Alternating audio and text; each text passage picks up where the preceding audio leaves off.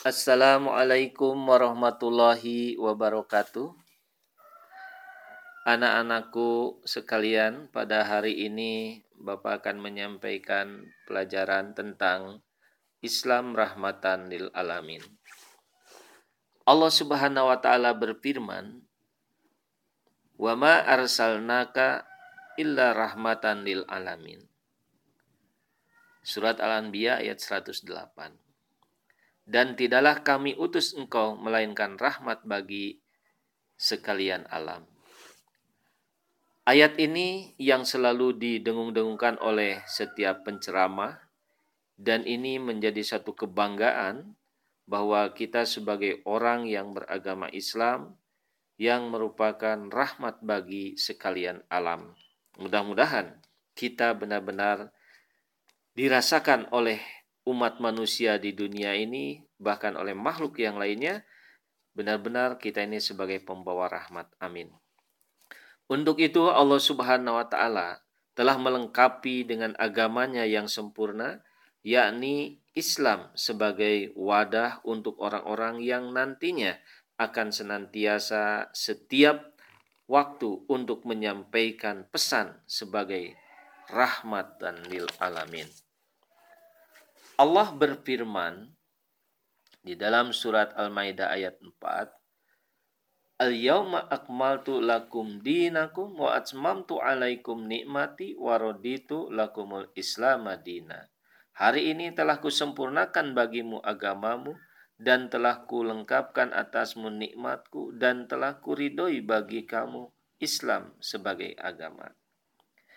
Jadi klop sekali bahwa Nabi Muhammad sebagai rahmatan lil alamin, Islam adalah agama yang dipilih oleh Allah Subhanahu wa taala sebagai wadahnya. Kita sebagai umat Islam tentunya harus patuh tunduk kepada segala ajaran yang ada di dalamnya, kepada aturan dan tuntutannya yang diberikan oleh Allah Subhanahu wa taala dan rasulnya. Suatu amanah yang besar bahwa Rasulullah Shallallahu alaihi wasallam diutus sebagai rahmatan lil alamin. Tentunya kita juga sebagai umat beliau memiliki kewajiban untuk menyampaikan bahkan menjadi reflektor dari Rasulullah Shallallahu Alaihi Wasallam di zaman ini. Anak-anakku yang berbahagia, rahmat artinya kasih sayang yang muncul dari kelembutan dan rasa iba. Sedangkan al-alamin adalah sekalian alam. Yang dimaksud di sini adalah seluruh sekalian alam. Nah, dalam hal ini ada yang disebut alamul ins, yakni alam manusia, ada yang disebut alamul hayawan, alam binatang. Bahkan alam ini adalah yang dimaksud di sini adalah seluruh ciptaan Allah Subhanahu wa taala, mencakup benda-benda yang tak berjiwa, benda-benda yang berjiwa, dan itu mencakup juga benda-benda langit, matahari, bulan, bintang, dan lain-lainnya. Nah, memperhatikan arti ini, maka tentu ini merupakan tugas yang besar dan sangat berat bagi kita sebagai umat Islam. Tetapi ini merupakan kewajiban bagi kita semua untuk menebar kasih sayang Allah Subhanahu wa taala kepada semua makhluk karena Rasulullah mengatakan semua makhluk itu adalah keluarga Allah. Jadi kita harus memperlakukan keluarga Allah ini dengan sebaik-baiknya. Sebagaimana disabdakan oleh beliau. Al-khalqu iyalullah fa'ahabul khalqi ilallah man asana ila iyali. Semua makhluk Allah, semua makhluk adalah keluarga Allah.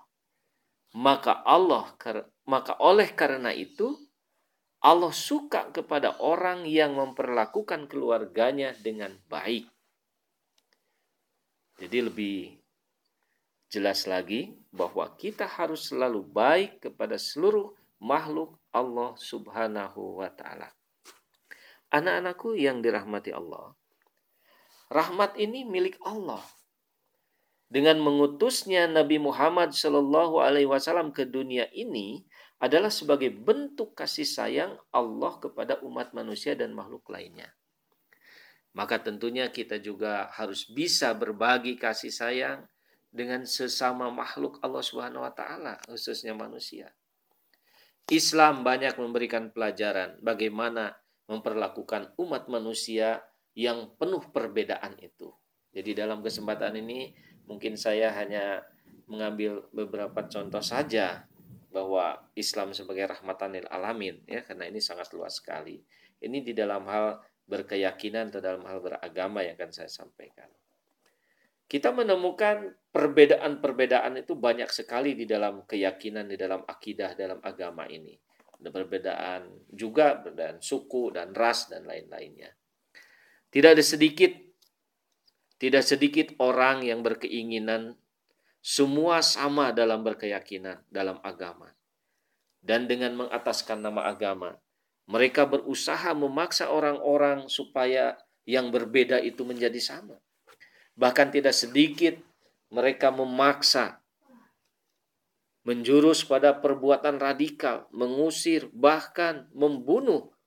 Tidak segan-segan bagi mereka agar mereka yang lainnya menjadi sepaham. Tapi bagaimana Allah Ta'ala mengajarkan kepada yang mulia Muhammad Shallallahu Alaihi Wasallam? Sekalipun itu misi ilahi, tapi Allah mengajarkan lain. Yakni kewajiban kita hanya baligu ani walau ayat menjadi penyampai sampaikanlah walaupun hanya satu ayat. Bukan sebagai pemaksa.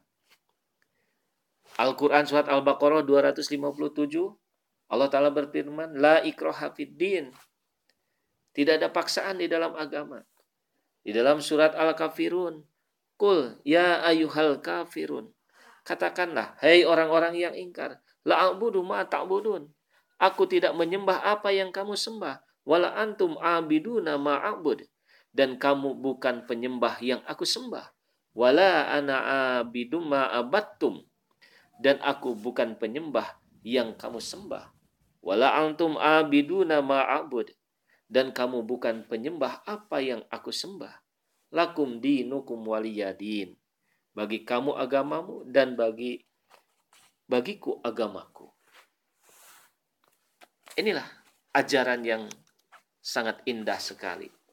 Tidak memaksakan, sekalipun agama ini adalah ciptaan Allah, agama untuk membawa umat manusia kepada Allah, tapi ternyata Allah Subhanahu wa taala sendiri pun seperti ini. Ini contoh yang baik yang harus kita kembangkan, yang harus kita sebarkan kepada seluruh umat manusia. Bagaimana ketika kita sudah seakidah, kita sudah sesama muslim, sama keyakinan, Kemudian di situ kan ada saubil haki wa tawasobi sobri. Kita saling menasihati dalam kesabaran. Apakah di dalam menasihati juga kita harus memaksakan supaya orang mengikuti apa yang kita inginkan? Ternyata surat Al-Qasas ayat 56 mengajarkan kepada kita, lana amaluna walakum amalukum. Amal kami untuk kami dan bagi kamu amal kamu. Ketika mereka sudah diberikan nasihat tapi mereka tetap tidak mau menerimanya, ya inilah yang kita harus lakukan. Lana a'maluna walakum a'malukum. Jadi sungguh indah ajaran Islam ini. Dan wajarlah Islam itu sebagai rahmatan lil alamin. Karena di dalamnya tidak ada paksaan sekalipun di dalam hal eh, akidah atau agama. Inilah yang harus dicontoh oleh kita. Ini sesuatu yang tidak mudah, tetapi ini adalah tanggung jawab kita sebagai pengemban amanah Islam rahmatan lil alamin. Banyak sekali contoh-contoh bagaimana Rasulullah Shallallahu Alaihi Wasallam memaafkan para musuhnya. Ada yang masuk dalam Islam, ada yang tetap mereka di dalam kekafirannya, tetapi tidak dipaksa oleh oleh Rasulullah. Dia tetap mendapatkan maaf dari beliau. Islam adalah agama perdamaian. Banyak sekali mengajarkan tentang agama eh, perdamaian di dunia ini. Kemudian Al-Qur'an sebagai kitab kita dalam Islam sumber ilmu dunia yang tentunya ilmu itu sekarang sudah merebak, sudah menyebar ke seluruh alam, ke seluruh dunia dan semuanya mendapatkan hasanah daripadanya. Insya Allah dalam kesempatan lain saya akan sampaikan tentang Islam rahmatan lil alamin itu yang cukup uh, luas dan mungkin kita pun hanya bisa belajar sedikit-sedikit supaya kita bisa memahaminya. Billahi taufik wal hidayah. Wassalamualaikum warahmatullahi wabarakatuh.